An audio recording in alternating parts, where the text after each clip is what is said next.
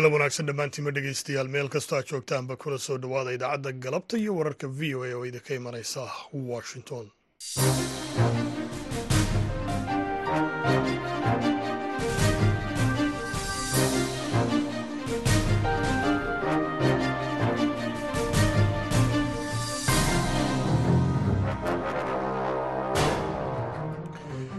waa galabnimo isniina taarikhduna ay tahay saddexiyo tobanka bisha februari ee sanadka waxaad naga dhegaysanaysaan mawjadaha gaagaaban ee lix iyo tobanka iyo sagaal iyo tobanka mitirban iyo weliba guud ahaanba dunidood nagala socotaan boggayaga v o a somali com.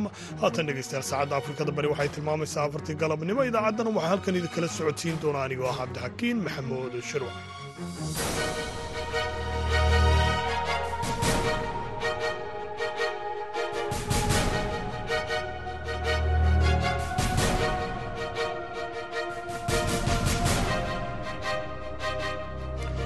qodobada dhegeystayaal idaacadda galabta aad ku maqli doontaan waxaa ka mid ah maxkamadda gobolka banaadir oo xukun ku riday madaxa suxufiyiinta somali journalists syndicate cabdalla muumin waxay ku heshay eedaysane cabdalle axmed muumin faldembiyeedka ku xusan qodobka shan boqol iyo shan ee xeerka ciqaabta soomaaliyeed waxayna ku xukuntay laba bil oo xarig ah oo lagu xisaabinayo kow iyo toban maalin uu hore u xidhnaa waxaa kaloo aad dhegaysan doontaan warbixinno kala duwan oo ku saabsan xuska maalinta caalamiga ah ee raadiyaha. Bishii tobnaad shan iyo tobankeedii ayaa iigu horraysay idaacad aan dhegaysto oona ka dhegaystay madaxweynihii soomaaliya ee labaad cabdirashiid cali sharmaake dilmadiisii lagu dilay laascaanood ayaa iigu horraysay subaxdii ayada ahayd ee idaacadda muqdisho ay sheegaysay baan ana ka dhegaystay raadiyo qodobadaasi weliba kuwo kaloo soomaalida iyo caalamkaba ku saabsan ayaad dhegaystayaal ku maqli doontaan. Inta aan ku guda jirno idaacadda galabnimo hase yeeshee marka hore ku soo dhowaada warkii dunida.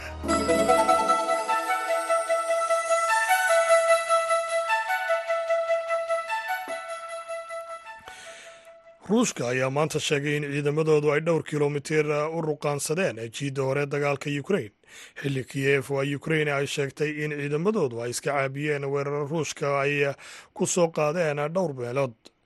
Xilli sanad guuradii koowaad ee duulaanka ruushku ay soo dhowdahay ayaa badi dagaalku ka dhacay magaalada bariga dalkaasi ku taale bakhmuud oo weliyadu ku jirta gacanta ukrain walow dagaalku uu socdo muddo bil ah militariga ukrain ayaa sida oo kale maanta sheegay in rasaas xooggan ay ka dhacday furinta hore iyagoo sidoo kalena sheegay in lix iyo toban deegaan oo bakhmuud u dhow duqayn loo geystay.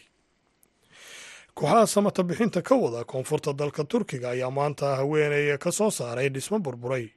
Kadib in ka badan usbuuc oo halkaasi uu ka dhacay dhulgariir xooggan oo aaggaasi ku habsaday. Haweeneydana la soo badbaadiyey oo da-deedu ay tahay afartan jeer ayaa laga soo saaray magaalada islahiye ee gobolka gaasianteb iyadoo arrintanina ay imanayso xilli dadka khubarada ahi ay ka digeen. In ay soo dhammaanayso rajadii ahayd in dad nool laga soo hoos saaro dhismayaasha burburay. Mas'uuliyiinta turkiga ayaa sheegay in ugu yaraan sagaal iyo labaatan kun lix boqol iyo shan qof ay ku dhinteen dhulgariirkaasi xoogan gobolka gaar ahaan gobolka gaasianteb marka laga gudbo xuduudda dhinaca waqooyi ee gaar ahaan dalka suuriya ayaa iyadana warka ka soo baxaya xafiiska biniaadamnimada qaramada midoobay uu sheegay in maanta tirada dhimashadu ay dhaaftay afar kun iyo saddex boqol halka toddoba kun iyo lix boqol oo qof oo kalena ay halkaasi ay ku dhaawacmeen. Ugu dambeyntiina israa'iil ayaa dib u dhaqangelisay amar sagaal meelood oo ah deegaameynta yuhuudda daanta galbeed ee la haysto laga hirgelinayo dhismahan xooggan oo ah guryo israa'iiliyiintu ay leeyihiin ayaana heshiiska deegaameyntan qayb ka noqon doonaa deegaameyntan cusub ee la amray ayaa u eeg mid caqabada ku noqonaysa heshiiska nabadda ee israa'iil iyo weliba falastiin. Iyadoo deegaameyntan yuhuudduna ay yihiin dhul ay falastiiniyiintu iyagu dhinacooga ay rabaan inay ka yagleelaan amaba ay ka sameeyaan dal ay leeyihiin.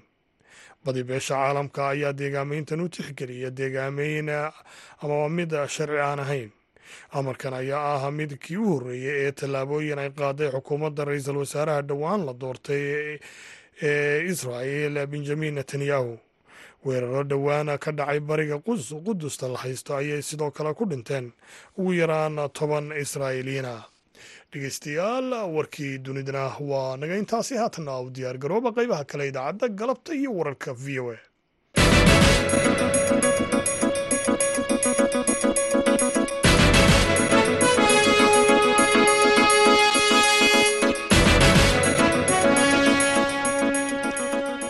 galabcana wanaagsan dhammaantiinba dhegeystayaal meel kastoo aad joogtaanba halkaad nagala socotaana waa idaacadda galabta iyo wararka v o a oo idinka imanaysa washington. Aan ku bilownay maxkamadda gobolka banaadir ayaa maanta xukun ku riday madaxa ururka suxufiyiinta somali journalists senkate cabdalle muumin maxkamadda gobolka ayaa cabdalle muumin ku xukuntay laba bilood oo xadhiga iyadoo la xidhay bishii oktoobar ee sannadkii hore waxaana maxkamaddu ay ku heshay inuu ku caasiyey amar dowladeed cabdalla muumin ayaa xilligaasi dhaliilay amar dowladeed oo ahaa inaan la baahin karin. Waxyaabaha ay dowladda soomaaliya ku tilmaantay inay dacaayadda u abuurayaan ururka al-shabaab wariyahayaga xasan kaafi qoyste ayaa warbixintan nooga soo diray muqdisho. Maxkamadda gobolka banaadir ayaa maanta go'aan ka gaartay kiis dacwada oo muddo soo jiitamayay kaasoo loo haystay xogeeyaha ururka suxufiyiinta s j s cabdalla axmed muumin cabdalla ayaa xeerlaalinta dowladdu ku eedeysay shan bil ka hor inuu ka dhaga adeegay amare ay soo saartay wasaaradda warfaafinta waxaana muddooyinkii ugu dambeeyey uu dibadda ku joogay qaab damiin ah. Guddoomiyaha maxkamadda gobolka banaadir saalax cali maxamuud oo soo gebagabeeyey dhegaysiga dacwadda ka dhankaa cabdalla muumin ayaa sheegay in saddex qodob oo lagu soo eedeeyey lagu waayey laba ka mid a halka midka kalena lagu helay wuxuuna ku dhawaaqay xukunka. Maxkamadda gobolka banaadir waxay eedeysanay cabdalle axmed muumin ina amine ismaaciil macalin soddon iyo shan jir ah ku dhashay xamar degan howlwadaag lana soo xiray kow iyo tobankii bishii tobanaad laba kun labaiy labaatanka haddana damaanad ku sii daysan oo bannaanka ku jooga ku weyday faldembiyeedka ku xusan qodobka laba boqol sagaaliyo toban ee xeerka ciqaabta soomaaliyeed. Labo sidoo kale waxay eedeysanaha ku weyday faldembiyeedka ku xusan qodobka saddex boqol kow iyo labaatan ee xeerka ciqaabta soomaaliyeed. Saddex waxay ku heshay eedeysane cabdalle axmed muumin faldembiyeedka ku xusan qodobka shan boqol iyo shan ee xeerka ciqaabta soomaaliyeed waxayna ku xukuntay laba bil oo xarig ah oo lagu xisaabinayo kow iyo toban maalin uu hore u xidhnaa ka hor inta aan damaanadda lagu sii daynin. Maxkamaddu waxay kala laabatay eedeysanaha damaanadii uu bannaanka ku joogay xukunkan ciddii aan ku qancin waxaa u furan racfaan ku siman inta sharciga uu tilmaamay. Dhinaca kale xogayaha tababarada ururka s j s hanad cali guuleed ayaa v o a uga waramay sida ay u arkaan xukunka labada bilood ah ee maanta lagu riday cabdalla muumin ka s j s ahaan waxaan u aragnaa xukunkaas mid aan sharci aan ku fadhinin xubnaha s j s iyo qareennadaba waxay ka qaateen racfaan. Xasan kaafi qoyste v o a muqdisho haddaba xukunkan ayaa saare cabdi axmed ay ka wareysatay maxamed ibraahim bakistan. Oo ah guddoomiyaha ururka suxufiyiinta ee s j s waxaanay ugu horreyn ay weydiisay sida markii hore loo xidhay cabdalla muumin bismillahi raxmaan raxiim aad iyo aada u mahadsantahay zahro adiga iyo tiimka v o ada. Run ahaantii sidaa la socotid cabdalla axmed muumin waxaa la xiray kow tobankii oktoobar laba kun iyo labaiyo labaatankii muddo hadda laga joogo shan bilood iyo wax la jiro waaye. Waxaana loo xiray war-saxaafadeed ay warbaahinta madaxa bannaan si wada jirha u soo wada saareen sida ururada s m s j ga ku wada midaysan oo ay ka mid tahay simha iyo soma iyo s j s iyo ururo kale. Ujeedka war-saxaafadeedkaasna wuxuu ahay cabasho ay ka qabeen war-saxaafadeed wasaaradda warfaafintu ay soo saartay sideedii oktoobar sidaas darteed maalinta ku xigtay tobanka oktoobar aa la qabtay shirkaas jaraa'id kow iyo tobanka oktoobar cabdalle oo safar u socdaa la xiray. Ilaa maanta cabdalle wuu xirnaa. Inkastoo uu damaanad banaanka ka joogay laakiin sharci ahaan wuu xirnaay oo maaragtay nin xabsi ku jira ma uusan ahayn laakiin damaanadu banaan ku joogay. Laakiin ma uusan safri karin warbaahin lama hadli karin. Nin xiran uu ahay sharciga dhinaciisa waa ka xirnaa. Marka maxkamadda waxay samaysay afar dhegeysiyay samaysay afar jeer u fadhiisatay dacwadda kiiskan dhegeysigiisa oo laga soo bilaabo janaayo afarteedii cabdallena maxkamaddu waxay ku soo eedeysay saddex qodob xeer ilaalinta ku soo eedeysay oo ah qodobka laba boqol toban iyo sagaal iyo qodobka shan boqol shan iyo qodobka saddex boqol labaatan iyo kow. Guddoomiyaha maxkamadda maanta markii uu akhrinayo go'aamada wuxuu yidhi cabdalle waxaan ku weynay laba boqol toban iyo sagaal iyo saddex boqol labaatan iyo kow qodobadaas. Laakiin waxaan ku helnay qodobka shan boqol iyo shan oo ah amar diido dowladeed. Ka hor imaasho amar dowladeed. Taasoo micnaheedu yahay cabdalle waxa maaragtay uu loo tilmaameedsaday oo loo xiray shaqadii sii wadbaahineed difaacidiisii xorriyadda saxaafadda. Waxa loo bartilmaameedsadayna ay tahay run ahaantii shaqadii uu hayay warbaahinta soomaaliyeed saxafiyiinta soomaaliyeed anoo magacooda ku hadlaayo run ahaantii xukunkaas aad iyo aad ayaan uga xunnahay maadaama cabdalla shan bilood iyo wax la jirana uu xirnaay. Haddana maxkamaddu ay ku xukuntay laba bilood waxaa ka maqan xuquuqaad badana cabdalla muumin ka maqan xuquuqaadkaas maqanna maaragtay lowyeriskeena ama qareenada u doodaya cabdalla muumin xuquuqaadkaas maqan way raadi doonaan. Maxkamadaana laga raadina haddii alla idmo sababtoo ah haddii laba bilood lagu xukumay shan bilood iyo wax la jirana uu xirnaay micnaheedu waxaa waaya cabdalle wax badan uu xirnaay oo xuquuq ah ayaa ka maqan. Xaalkiisa caafimaad waa sidee iyo noloshiisa kale? Run ahaantii shanta bilood waxay ahayd shan bilood oo xabsi ah ma uusan safri karin warbaahinta lama hadli karin. Xaaladiisa caafimaadna marbaa waxaa laga qabtay kelida oo keli xanuuna marka ku soo booday. Inkastoo dhakhtar uu tegay oo daawooyina loo qoray. Marka run ahaantii waxaana ka rajaynaynaa maaragtay xukunka maxkamadana waa kama rajaynaynin in maanta ay xukun rido laakiin waxaan ka rajaynaynin inay cabdalla sii dayso. Xuquuqdiisa ka maqanna ay maxkamaddu siisaan rajaynaynay waana wax laga xumaado maanta in maxkamaddu ay maaragtay ay xukun riday iyadoo oo aan maaragtay u cugsanaysa oo maaragtay qodobo ay xeer ilaalintu soo dhoodhoobtay oo ujeedadeedu ahayd in lagu caburiyo xorriyadda saxaafadda iyo midda hadalka. Adinka sidee ayaa xukunkan iyo tallaabooyinkan dowladdu ay qaadayso ay ugu noqon karaan caqabad wixii aad wadeen ee ah inaad u hadashaan xorriyadda saxaafadda?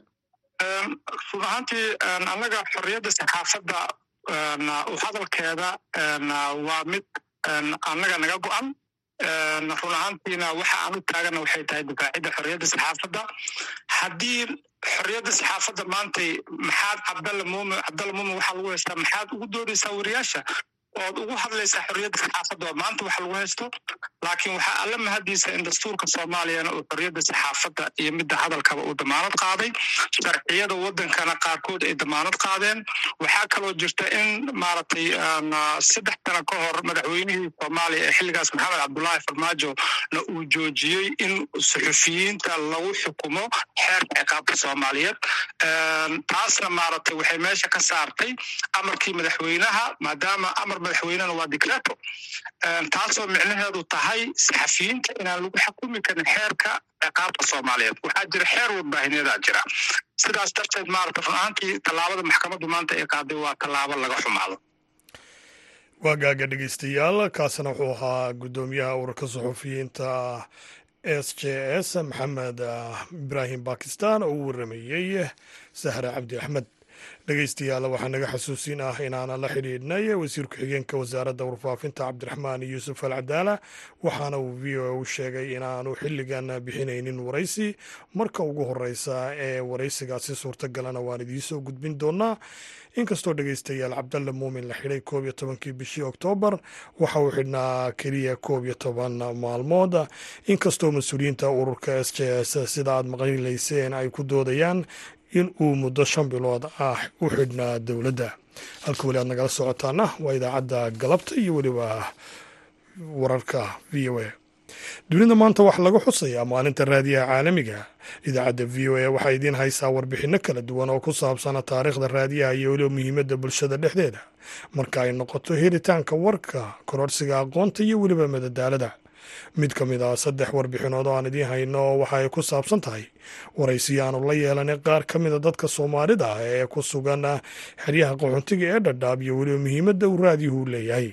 Cabdisalaam salas oo v o eda dhadhaab uga soo warrama ayaana warbixintan xeryahaasi inooga soo diray. Raadiyuhu weli waa mid xoogan oo ay ku xiran yihiin dhegaystayaal u badan dadka ku nool miyiga fog ee deegaanada aysan weli gaarin tiifiyada iyo adeegyada internetka oo xawaaro xoogan ku socday sannadihii tegay inkastoo soomaalida lagu tilmaamo bulsho maqalka ku tiirsan haddaba iyadoo maanta loo dabaaldegayo maalinta raadiyaha ayaan qaar ka mid ah soomaalida qaxootiga ku hadhadhaab waxaan weydiinay muhiimadda oo raadiyaha ugu fadhiyo noloshooda. Cabdisalaan salafo waad mahadsan tahay? Waxaa weye isaaq guuliye faarax baa laydhahaa oo ku nool idaacad aan dhegeysto waxay igu horreysay lixdan iyo sagaalkii bishii tobnaad shan iyo tobankeedii ayaa iigu horreysay idaacad aan dhegaysto oona ka dhegaystay madaxweynihii soomaaliya ee labaad cabdirashiid cali sharmaake dilmadiisii lagu dilay laascaanood ayaa iigu horreysay. Subaxdii ayada ahayd ee idaacadda muqdisho ay sheegaysay baan anig ka dhegaystay raadiyo. Raadiyahana wuxuu yaalay tuulo la yidhaahdo hurufle oo ka tirsan jubbada dhexe faa'iidada aan idaacadda dhegaysigeedii wax walbaba aan ku haysana waxaa ka mid ah halkan hadda aan joogno oo mar oon ka dhacay in oo v o a loo sheegay oo isla markii ay gaadhsiiyeen hay'adaha caalamka oo markiiba ay ka soo jawaabeen hay'adihii caalamka oonkanaga oo si deg dega markiiba aan biyo u helnaaba ka mid a faa'iidada mataqaana aan aad iyo aad ugu haysano idaacadda. Marka ayadaa waxaa aad iyo aad aan mataqaanaa u yuus gareeya oon maaragtay aan u isticmaala idaacadaha sidii aan u dhegaysan lahaa caalamka wixii ka dhaco. Sida dhulgariirka hadda mataqaanaa suuriya iyo ka dhacay turkiga oo kale wax alla wixii mataqaanaa caalamka ka jiro in aan ogaado oo yaan kala socnaa oo waxtar noo ah.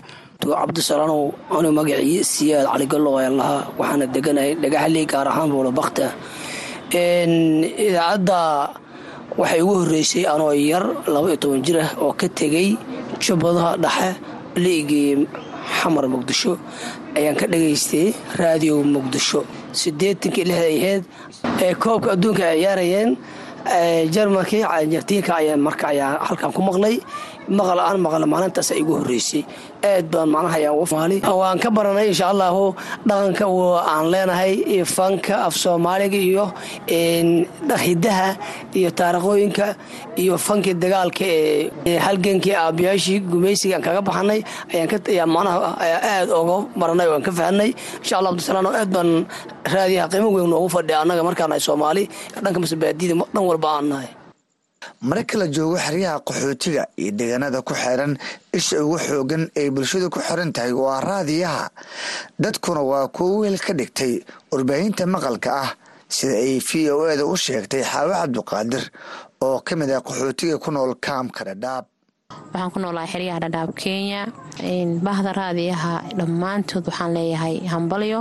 Marka haddii aan ka hadlo muhiimadda dhegeysiga raadiyaha uu noo leeyahay maxay tahay haddaan nahay soomaali? Horta soomaali inta badan waxay u badan tahay dad ku nool miyiga. Soo jireenna waxaa ahaan jirtay dhegeysiga raadiyaha oo dunida horumartay intaan la gaarin. Waxaa kali ah oo dunida isu xiri jiray dhaqdhaqaaqa iyo horumarkii dibudhacaba laga dhegaysan jiray waxay ahayd radioga wuxuu leeyahay ama ahmiyad u siiya raadiyaha annaga dunida horumartay ma aan gaarno t v ma leh wayva ma leh life ma daawano waxa kali ah oon culays ka saarnaa oon ku dadaalnaa waxaa ka mid ah inaan raadiyaha aan gabaldhacay iyo waabariya dhegaysano waxaa kaloo aad aan u jeclahay v o a khaasatan aan ka dhegaystaa martida mikrofoonka faaqidaada toddobaadka ilayska aad baan uga helaa oo macnaha barnaamijka marka la qeexayo waxaad dareemaysaa xaqiiqooyinka ugu dambeeya in la baarayo ama aad loo hubinayo warka barnaamijka galka baarista isagana oo aad aan u dhegaysto xuska sanadkan ayaa ku soo aadaya iyadoo warbaahinta gobolka saameyn ballaaran ay ku leedahay nolosha bulshooyinka ku dhaqan guud ahaan geeska afrika cabdisalaan salas v o a xeryaha dhadhaab magaalada boosaasana wariyahayaga faadumo yaasiin jaamaca ayaa la kulantay mid ka mid a suxufiyiinta rugcadaaga ah ee soomaaliya oo lagu magacaabo khaliife maxamed bare khaliif idaara. Haddaba dhegeystayaal nala dhegeysta warbixintii waryahayaga faadumo yaasiin jaamac iyaduna ay ka soo diyaarisay maalinta raadiyaha saddex iyo tobanka bisha februari laba kun labaatan iyo saddex oo ku beegan maanta waxaa dunida laga xusayaa maalinta raadiyaha adduunka. Kadib markii qaramada midoobay markii ugu horreysay ay ku dhawaaqday in loo dabaaldego maalintaas sannadkii laba kun kow iyo tobankii. Raadiyaha ayaa waxa uu soomaaliya soo gaaray sannadkii kun iyo sagaal boqol afartan iyo saddexdii waxaana markii ugu horreysay laga maqlay raadiyo hargeysa. Sidoo kale raadiyo muqdisho oo ku xigay ayaa la yegleelay sannadkii kun iyo sagaal boqol konton iyo kowdii. Dalka soomaaliyana waxaa xilligaa ka talin jiray gumaystayaashii ingiriiska iyo talyaaniga. Dadka soomaaliya ayaa dhegaysiga raadiyuhu waxa uu u leeyahay ahmiyad gaar ah maadaama soddonkii sano ee la soo dhaafay ay ku jireen xaalado adag oo ka dhalatay dowlad la'aan dagaallo sokeeye barakac iyo maamul xumo wixii ka dambeeyey kun iyo iyo kowdii soomaaliya waxaa ka abuurmay idaacado tiro badan oo madax bannaan. Qaarkoodna ay lahaayeen hogaamiye kooxeedyadii soomaaliya. Dhegaysiga raadiyaha ayaa la rumaysan yahay inuu la jaan qaaday tiknolojiyada casriga ah ee internetka iyadoo bulshada dhegaysatana ay ka helaan faa'iidooyin ay ka mid yihiin wararka maalinlaha ah ee ka dhaca dunida daafaheeda. Baafinta dadkii kala lumay wacyigelinta caafimaadka si looga hortago cudurrada faafa doodaha siyaasiga ah tabinta xafladaha bixinta kaalmada gurmadka ee lagu caawiyo bulshada dhibaataysan madadaalada iyo wixii la mid ah.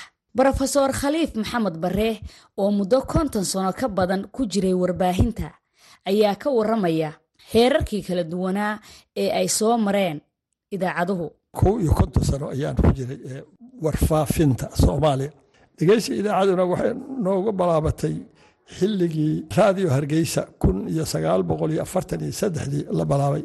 Ayaa barnaamijyada ingiriiska uu ka sii jiray idaacadaha ayaa casarkii lagu dhigeysay makhaayadaha oo shaaha lagu cabi jiray. Oo dadka horeba ku soo wada ururi jiray halkaas iyadoo aad loo xiisan jiray. Talyaaniguna wuxuu ka asaasay xamar raadiyihii muqdisho kun iyo sagaal boqol iyo konton iyo kowdii. Markii xorriyada la qaatay labadii idaacadood la isku daray oo idaacadihii la ballaariyey dadkii dhegeysanaya ayaa aad u batay. Saamayn xoog leh ayayna waxay ku yeelatay bulshada. Gobolada oo dhan idaacadaha laga sameeyey raadiyo muqdisho ilaa waa uu isxiray markii dowladdii dhacday. Marka idaacadaha fiday maxay sameeyeen? Xorriyadii bay faafiyeen xorriyatu ra'yi idaacadii monobolig ahayd baa meesha ka baxay oo codka keliya lahayd oo siyaasada keliya dowladda lagu fuli jiray keliya weybis rofeor khaliif maxaad isleedahay bulshadu way ka faa'iidaa dhegaysiga idaacadaha oo meel walba ninka caluulo jooga iyo ninka kismaayo jooga iyo ninka lowyacdo jooga isku si wada dhegaysantaan idaacadaha dalka iyo idaacadaha afafka soomaaliga lagu baahiyo. Waagii hore ilaa soomaaliya ma jiri jirin waagii horete intii soomaaliga la qoray oo soomaaligu faafay. Kii indhaalaa iyo kii jirana iyo kii dibad jiray iyo kii aan heli karin iyo kii ganacsanayay iyo iyo kii arday ah dhammaantood idaacadaha adduunkao dhan waxaad moodaa idaacadahan inay isku xiraan baad moodaa. Gudoomiyaha ururka suxufiyiinta puntland maab maxamed daahir caynsane ayaa ka waramaya isbeddelka ku yimid raadiyaha muddadii ay bilaabatay tiknolojiyada casriga ah.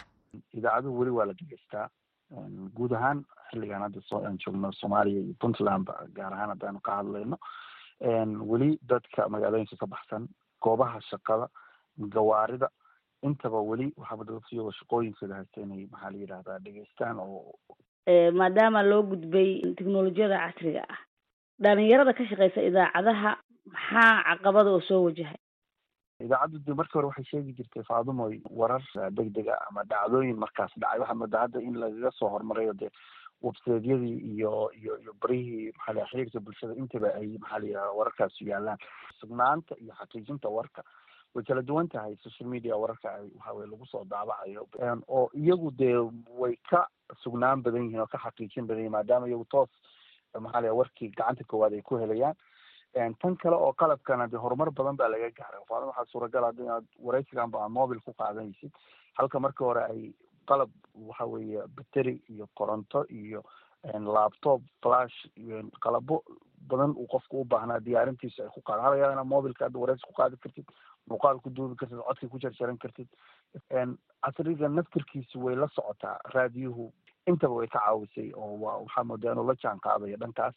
Dhankan kalena uu faa'iido ku haysto in weli booska aan laga saarin markay noqoto credibilityga ama sugnaanta iyo xaqiijinta wararka bulshada qaar ayaa aaminsan in dhegaysiga raadiyuhu uu uga sahlan yahay daawashada muuqaalada iyo akhrinta wararka qaar ka mid a dhegaystayaasha ayaa ka waramaya magacayga waxaa la yidhaha saynab waasiyaasiin aalad la dhegaysto dhan hooyo waxa uu ahaa raadiyaha raadiyuhuna ma suurin laakiin wejiyadiisii buu bedbedelay oo horumar buu gaaray.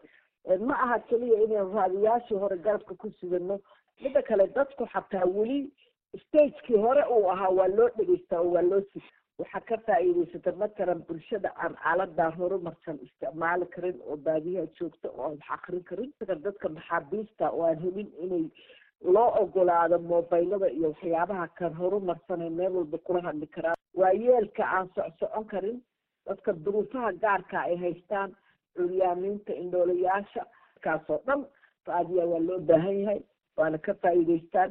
Waa maxamed xuseen siciid waxaan joogaa magaalada boosaaso. Dhegeysiga raadiyaha aad iyo aad bu important noogu yahay. Annagoo maxamed shaqada joogno ayaan dhegeysanaa. Meel kasta aan joogno. Bulshada wax badan bay ka faa'iidaa. Hadday waxbarasho tahay hadday tahay war hadday tahay hadday diini tahay hadday iclaam tahay aniside muxuu ay tahay muhiimad gooniya oo aad iyo aad u ballaaran buu leeyahay. Waxaan aaminsana inaan weligii laga baxayn inuu sii casri garooba maahane inkastoo isbeddel dhinaca horumarka ah uu ku yimid dhegaysiga idaacadaha iyo qalabka ay wariyaashu isticmaalaan ayaa haddana waxaa jira dhibaatooyin ay wariyaashu kala kulmaan tabinta wararka xasaasiga ah kuwaasoo u horseeda dhimasho dhaawac iyo xarig.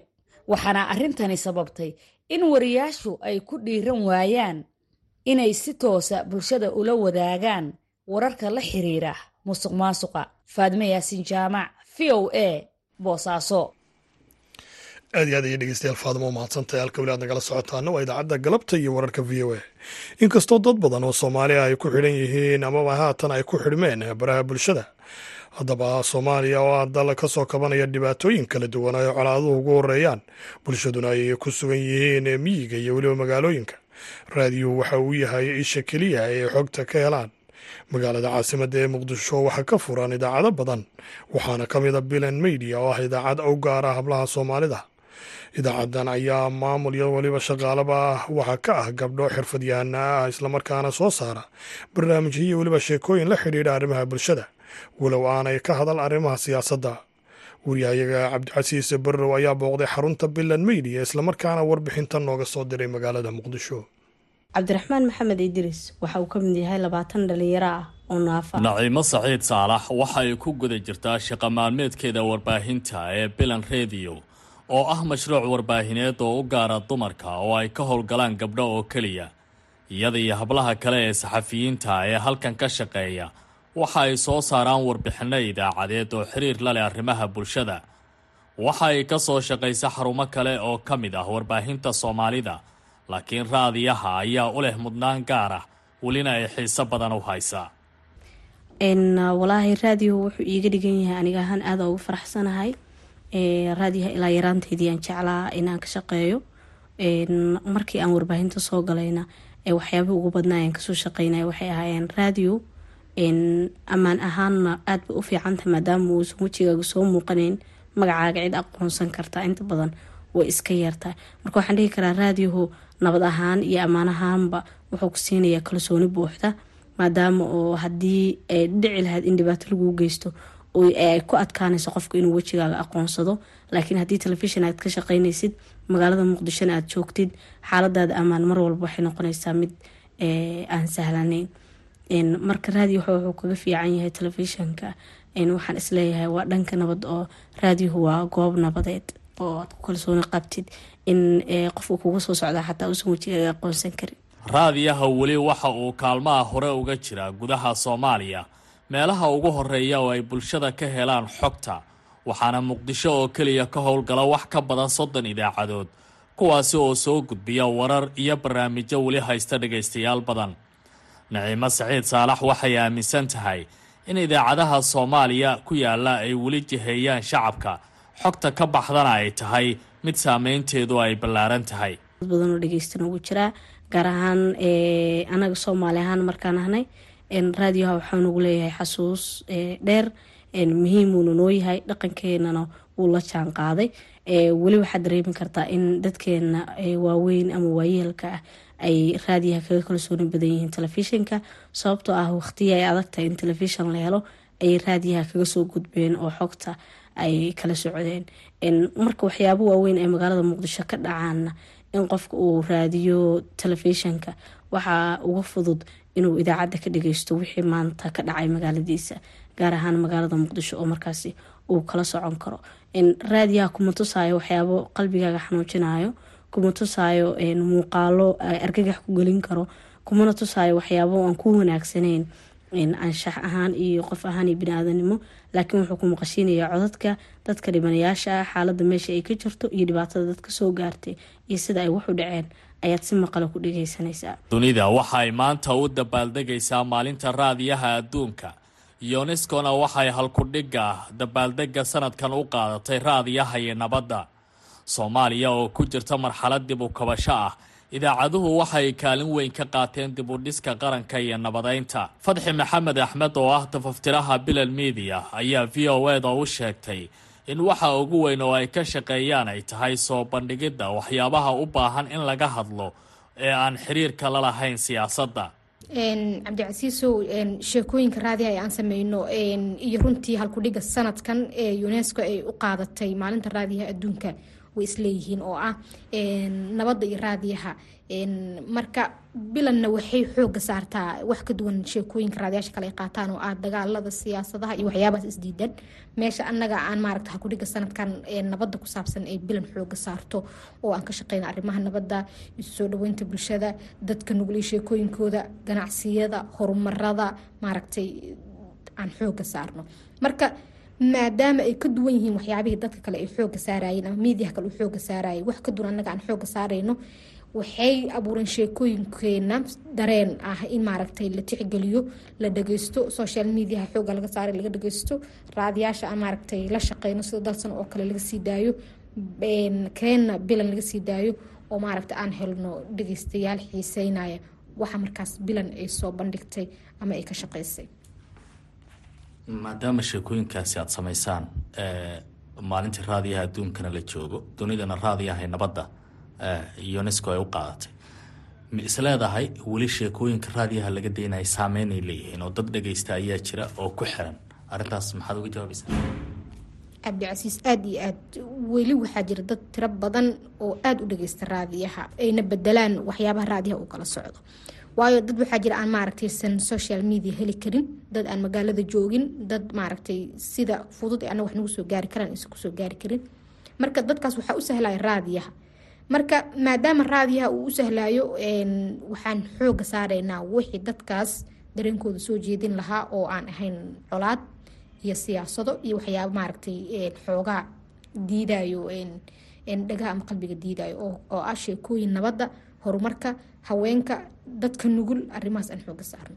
Waana waxa maaragtay bilan ay xooga saaraysa ka shaqeynayso oo ah sheekooyin ku saabsan nabad horumar isdhexgal bulsho iyo maaragtay dhaqamo hore oo xoogaa maaragtay laga wanaagsan inay sii jiraan in meesha laga saaro oo miidiyaha keliya ma aha nabad macnaha maaha dagaal iyo siyaasad keliya uu u gudbo waddooyinka kale la rabo ama qeybaha kale la raba inuu ka shaqeeyo.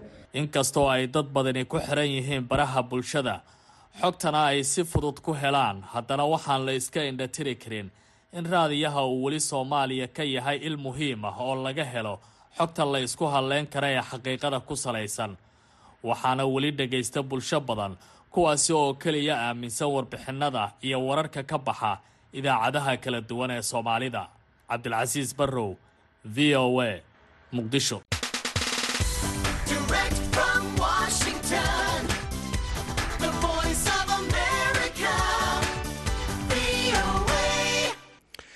haatana dhegeystayaal ku soo dhowaada xubintii dooda gaaban oo magaalada muqdisho ay noogu soo diyaarisay saynab abuukar maxamed.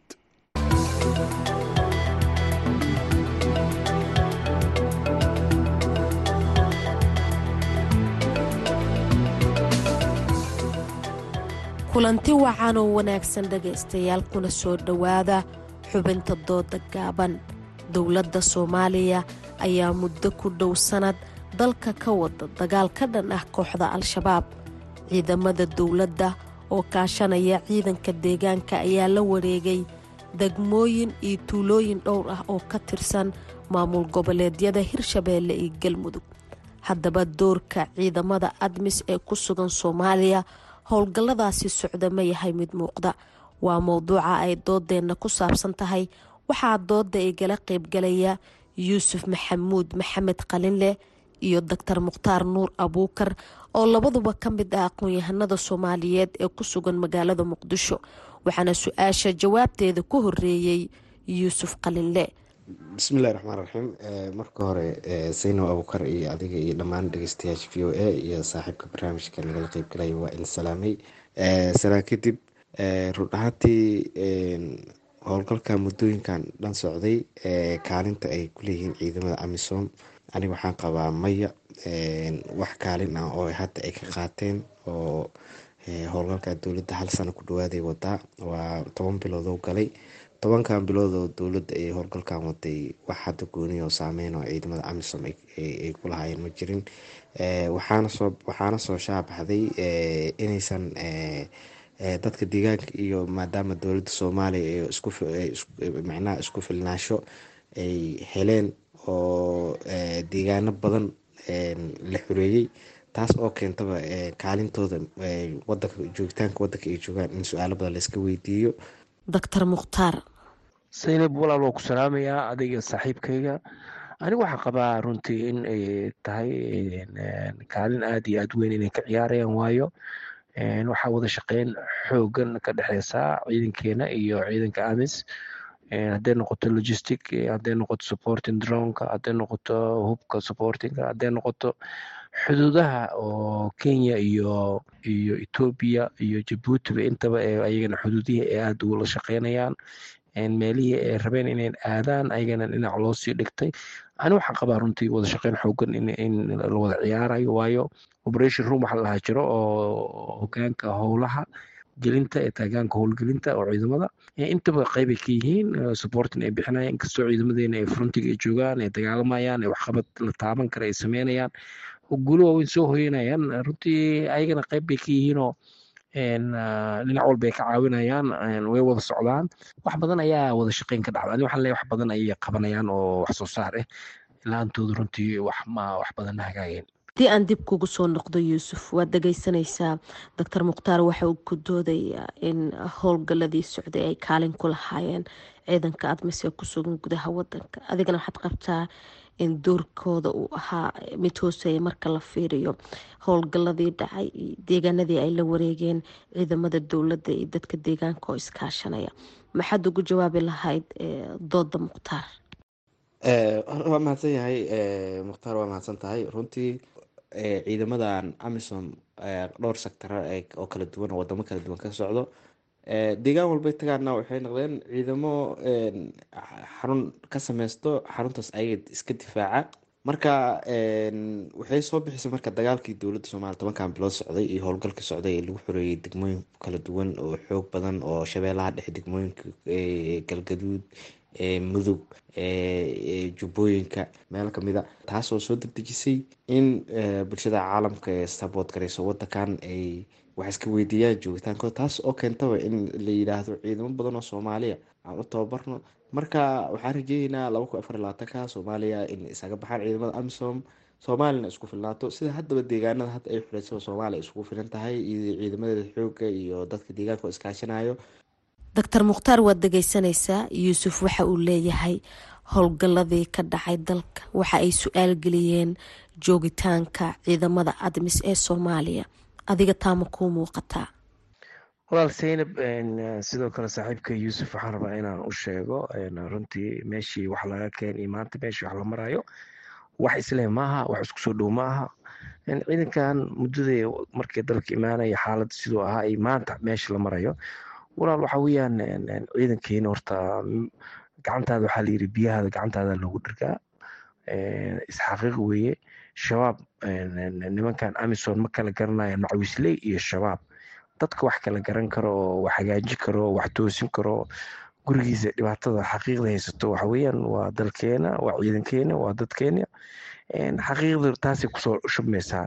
Laakiin nimankan joogistaankoodii iyo iyo imaatinkoodii iyo inta dad ugu dhinteen iyo inta dad ayaga laftigooda loogu baaba'shay dhiig u horeen dhiig u daadiyeen jabuuti etoobiya kenya uganda sieraleon nigeria.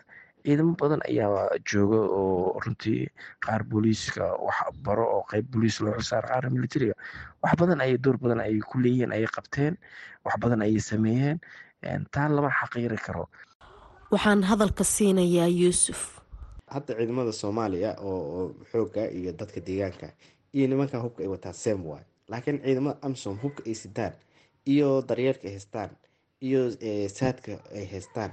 Hadday haysa lahaayeen ciidamada soomaaliyeed iska dhaafay inta amisom tira ahaan iliga ka yar xataa hadday haysa lahaayeen. Amshuwa waxaa hubaa wadanka mar hore ayay nimankan cadowga laga guuleysa lahay. Haddana waxaan aaminsanahay haddii dowladda soomaaliya cunuqabateytana laga qaado oo wadamankan diriska waxa ugu weynaa shirka hadda inta looga hadlaya ay ahayd in dowladda soomaaliya laga taageero nimankan baxsadka oo nabadiidka ah oo waddamada diriska u baxsanayna in kahortag u sameyso midda labaad dagaalkana dowladda soomaaliya wixii lagu dowlad ahaan lagu taageero. Midda saddexaad waxaa ahayd in ciidamadan si ciidamada soomaaliya u helaan hub casriya cunuqabateynta soomaaliya laga qaado. Taas marka micnaheedu waxaa waaye laba kun afar iyo labaatanka markii la gaaro ciidamada amisom inay wadanka isaga huleelaan bedelkooda ciidamada soomaaliyeed ay galaan taas ayay dowladda soomaaliya ka shaqeynaysay haye mukhtaar walaalka yuusuf waxaan rabaa hal mid inaan u sheego hubka oo cusub oo la dalbanayo hub waxaa lala aadaa dad bartilmaameed leh oo aa la dagaalaysay laakiin dagaalkan waa dagaal garila fayl la yiraahdo ku dhufoo ka dhaqaaq meeshay hadda joogaan daqiiqad kale ma joogaan. Waxa ay wataan leh in lala wato in farsamada ay sameynayaan in lala sameeyo. Haddana howsha si fiican bay ku socotaa bal meesha la marayo arag. Shabeellada dhex waa la sameeyey. Galmudug hadda way sii socotaa koonfur galbeed howsha way ka bilaabatay. Walaal howlo badan ayaa socda oo runtii horumar la taaban kara sida madaxweyne xasan sheekh u yimid. Runtii aad iyo aad ayuu ugu mahadsan yahay. Wadankii wuu dhaqaaqay. Annagaana waxaan iska qaban karnaa. Annagaa naqaano. Waa walaalaheen waa dadkeena waa hebel iyo hebel ayaan leenahay. Ajnabina wax noogama qaban karo. Qofka shisheyn wax noogama qaban karo. Annaga ayaan aan qarinaa annaga ayaan haddana sheegi karnaa. Annaga ayaan ka daba tagnaa. Annaga ayaan haddana dabagali karnaa. Ujeedka waxaan ka wadaa micnaheeda soomaali ayagaa arrintan u taala xalin karaan. Ujeedka waa inta caafimaadka tii la rabo ayagaa yaqaanaan. Dariskaa sheegayo dadkiyaa sheegayo ehelkiyaa sheegayo walaalayaa og qof walba qofku wax uu yahay. Mardhow waxaa rajeynayaa inay noqon doonto wax laga sheekeeyo waabaa waxay jiri jirtay. Qolooyin khawaarij la yiraahdo ama shabaab ku tilmaamo waxaas samayn jireen saa ayay ku socotaa. Insha allah waxaan rajeynayaa in arrintaas mardhow ay dhammaan doonto. Xubintii dooda gaabanna maanta intaa ha inoo joogto. Waxaa dooda igala qayb galay doctor mukhtaar nuur abuukar iyo yuusuf maxamuud maxamed oo labaduba ka mid ah aqoon-yahanada ku sugan muqdisho. Inta doodan mid la mid ah ku kulmi doona dhageystayaal sidaa iyo nabadgelyo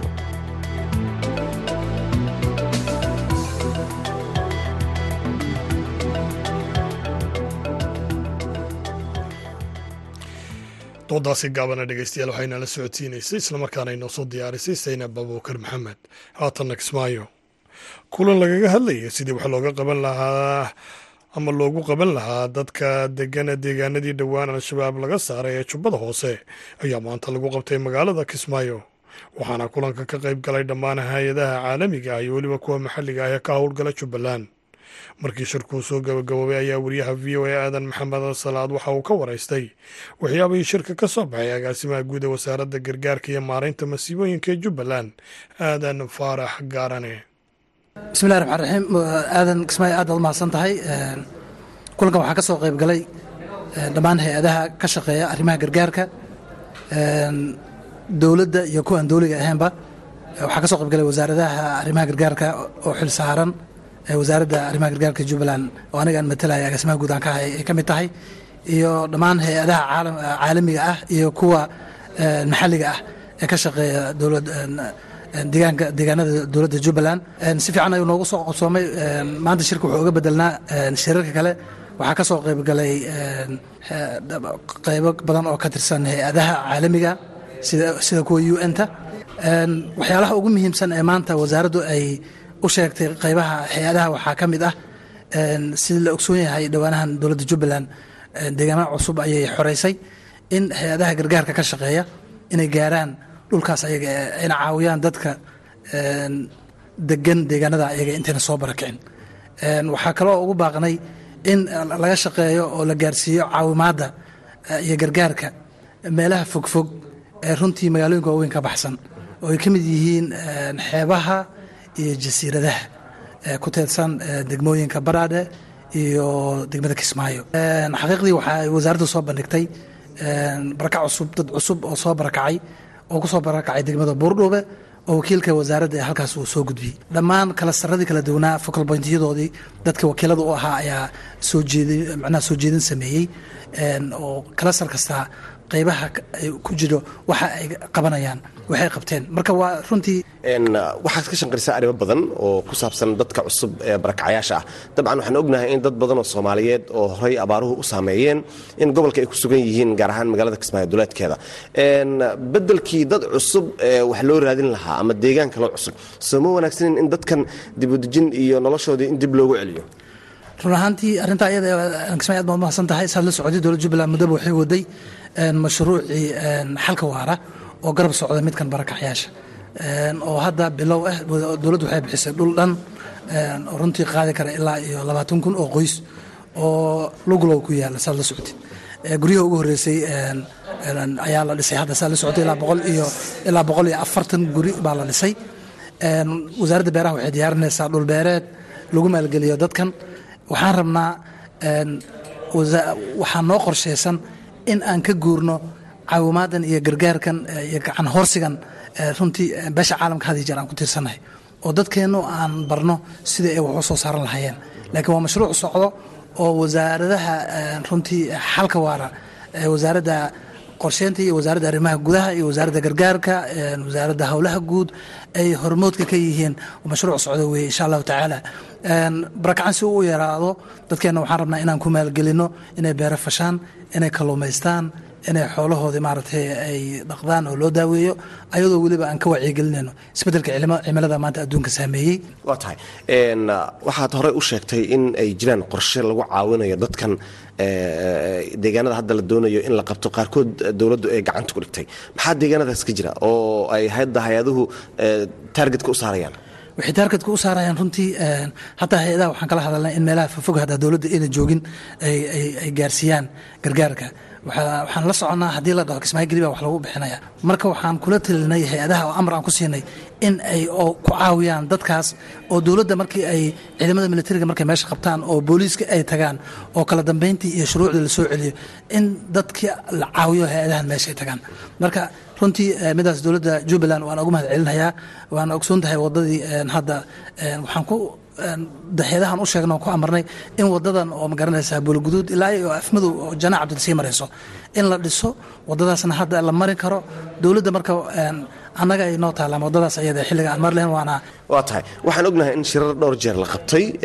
Magaalada kismaayo lagu qabtay oo wasaaradda gargaarka iyo maareynta masiibooyinku ay qabatay muxuu shirkan kaga duwan yahay shirarkii hore? Wuxuu kaga duwan yahay runtii hay'adaha caalamka iyo kuwa maxalligaba waxay ka daaleen iyo deeqbixiyaashaba saad ogsoon tahay soddon iyo dhowrka sano ugu dambeeyey intaas waxaa lala tacaalaya barakac ilaa haddana inuu sii batamo iyo ma sii marka caqli ka duwan caqligaas in la keeno waa muhiim iyo isla socodka dowladda iyo hay'adaha. Shirkan wuxuu arrimaha gargaarka mashaariicda gargaarka badi waxaa wada hay'adaha hay'adaha caalamiga iyo kuwa un-ta iyo hay'adaha maxalliga ayaa wada hay'adihii marka iyo dowladdii.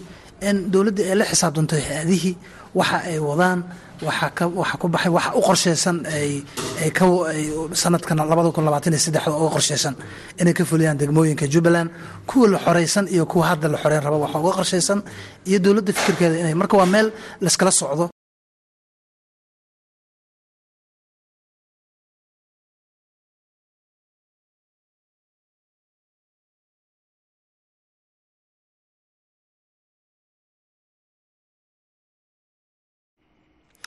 waagaaga dhegeystayaal kaasi waxa uu ahaa agaasimaha guud ee wasaaradda gargaarka iyo masiibooyinka ee jubbaland aadan faarax gaaran ee u waramayey aadan kismaayo oo ah waryahayaga kismaayo nooga soo warama haatanna kanada. Dowladda kanada ayaa ku dhawaaqday in shaqaalaha daryeelka bulshadu ay deegaan deganaanshiyaha dalkaasi ku dalban karaan labayo toban bilood oo shaqo ah taasoo markii hore ahayd afar iyo labaatan bilood. Shaqaalaha daryeelka bulshada ayaa soo dhoweeyey tallaabadan sidoo kale arrintan ayaa imanaysa xilli dhowaana kanada laga sheegay shaqaale yaraan. Waryahayaga halkaasi nooga soo warrama xuseen nuur xaaji ayaa warbixintan noo hayaa shaqaalaha daryeelka bulshada ayaa ah kuwa xanaaneeya carruurta dadka da-da ah dadka la liita cudurrada raaga iyo kuwa qaba baahiyada gaarka ah. Wasiirka wasaaradda soogolootiga iyo arrimaha qaxootiga kanada shon fraiser iyo xildhibaanada baarlamanka federaalk ee kale ah salma zahid iyo regi valdes oo arrimahan u oleynayay ayaa toddobaadkii hore ku dhawaaqay isbeddelka isbedelkan ayaa dhaqan gelaya soddonka bisha abriil ee sanadkan markaasoo shaqaalaha haysta laba iyo toban bil oo khibrad shaqo ah ay xareysan karaan deganaanshaha kanada. Wasiirka soogolootiga iyo arrimaha qaxootiga kanada shen fraiser ayaa qoraal lagu daabacay bogga rasmiga ah ee dowladda ku yiri shaqaalaha daryeelka bulshadu waxay muhiim u yihiin qoysaska kanada waxayna kaalin muhiima ka cayaarayaan koritaanka da-yarta iyo daryeelka dadka da-da ah iyo kuwa qaba baahiyada gaarka ah. Dhimista halka sano ee deganaanshaha shaqaalaha daryeelka bulshada ayuu ku sheegay inay sahli doonto in shaqaalahaasi iyo qoysaskoodu ay si rasmi ah u degaan kanada. Xildhibaan salma zahid oo laga soo doorto scarborough center ayaa dhankeeda sheegtay in shaqaalaha daryeelka bulshadu ay muhiim u yihiin qoysaska kanada waxay intaasi ku dartay inay sharaf u tahay inay dadkaasi siiyaan waddo ay ku heli karaan inay si rasmi ah degaan ugu noqdaan dalkan. Regi valdes oo ololaha lagu xaqiijinaya arrinkan qeyb ka ahayd lagana soo doorto xaafadda misssaga streetsville ayaa tilmaantay in tan ay tahay mid ka mid a dhowr waddo oo loogu mahadnaqi karo shaqada adag iyo dadaalka ay muujinayaan dadka ka shaqeeya daryeelka bulshada. Inkastoo soomaalidu ay ka mid yihiin kuwa bixiya adeegyada daryeelka bulshada haddana uma badna dadka shaqaale ahaan loo keeno dalkan dadka qaar ayaa arrinkan u sababeeyey baasboorka soomaaliga ah oo aanan sahlanayn in lagu helo fiise shaqo balse taa beddelkeed soomaalida qaar ay ku yimaadaan shaqaalo ahaan iyagoo sita baasaboorada dalalka dariska ah. Laakiin ma jirto xog rasmi ah oo ay dowladda kanada ama hay'ad madax bannaan ku sheegtay jiritaanka arrinkan la xiriira baasaboorka. Suuban faytaan oo ah kalkaaliso caafimaad oo ka shaqeysa magaalada toronto ayaan weydiiyey sida ay u arkaan fursadan cusub ee la siiyey shaqaalaha daryeelka bulshada arrinkan arrin fiican waa bogaadin leh dowladda kanadana way ku mahadsan tahay maadaama ay aragtay culeysyada ka haysta dhinaca caafimaadka iyo daryeelka oo aada loogu baahan yahay in howlaha ay hore u socdaano. Labaatan iyo afar bilood hadday ka soo yareeyeen ay ka dhigeen laba iyo toban bilood wax aada u fiican siduu u dhacay covidkana waxaan galnay dhan cariiri badan howlo badanaa dib u dhacay. Marka waa wax fiican inay shaqaalo kasta oo daryeel bulshadeed lah kuwa caafimaadka kaliix ma aha wax kastoo bulshada wax u taraayo in sida ugu dhaqsaha badan loo siiyo sharci oo loo helo gacan anagana caawinto. Ilaa wadankii waa u baahan yahay caawinaad dhinaca caafimaadka weliba. Dadka soogolootiga ah oo soomaalida ay ku jiraan ayaa kaalin mug leh ku leh horumarada iyo dhaqaalaha dalkan. Sida uu qabo farxaan cali jimcaale oo ah madaxa dahabo accountant and tax assistant oo loo soo gaabiyo data. Sidoo kalena farxaan wuxuu ka faalloodaa arrimaha dhaqaalaha kanada xuseen waa mahadsan tahay dadka socotada ah canada waxay ku leeyihiin door weyn oo taariikh ah. Ama dhinaca dhaqaalaha siyaasadda arrimaha bulshada dhan kasto. Runtii waana wadan lagu yaqaano canada wadan soo dhaweeya socotada. Soomaalidu marka dadkaasay qeyb ka tahay waxayna ka ciyaartaa xubin firfircoon midda kale sida aan ognahay dadka socdaalka ee dalkan soo gala waxay u badan yihiin xoogsato dad xirfadlayaal ah dad professional ah oo ku shaqeeya ama dhaqaatiir ama lowyaro ama injineero ama dad oo cilmi baarayaal ah dadkaas xirfada sare leh dalkan wax badan ay ku kordhiyaan canadana aaday uga faa-iideysataa warbixintan aan ku aragnay bogga internetka ee uu leeyahay hay'adda socdaalka canada waxay ku sheegeen labada kun iyo ko tobankii boqolkiiba labaatan dhibic todobo dadka canada inay ahaayeen socoto waxayna saadeen labada kun soddon iyo lixda in ay gaari doonaan boqolkiiba soddon dadka canada jooga oo dhan guud ahaan. Boqolkiiba soddon ka mid inay noqon doonaan dad socoto ah. Dowladda kanada ayaa sanadahan dambe isku dayeysa helista wadooyin badan oo dadka soogolootiga ah loogu fududeynayo inay helaan sharciga dalkan. Xuseen nuur xaaji v o a toronto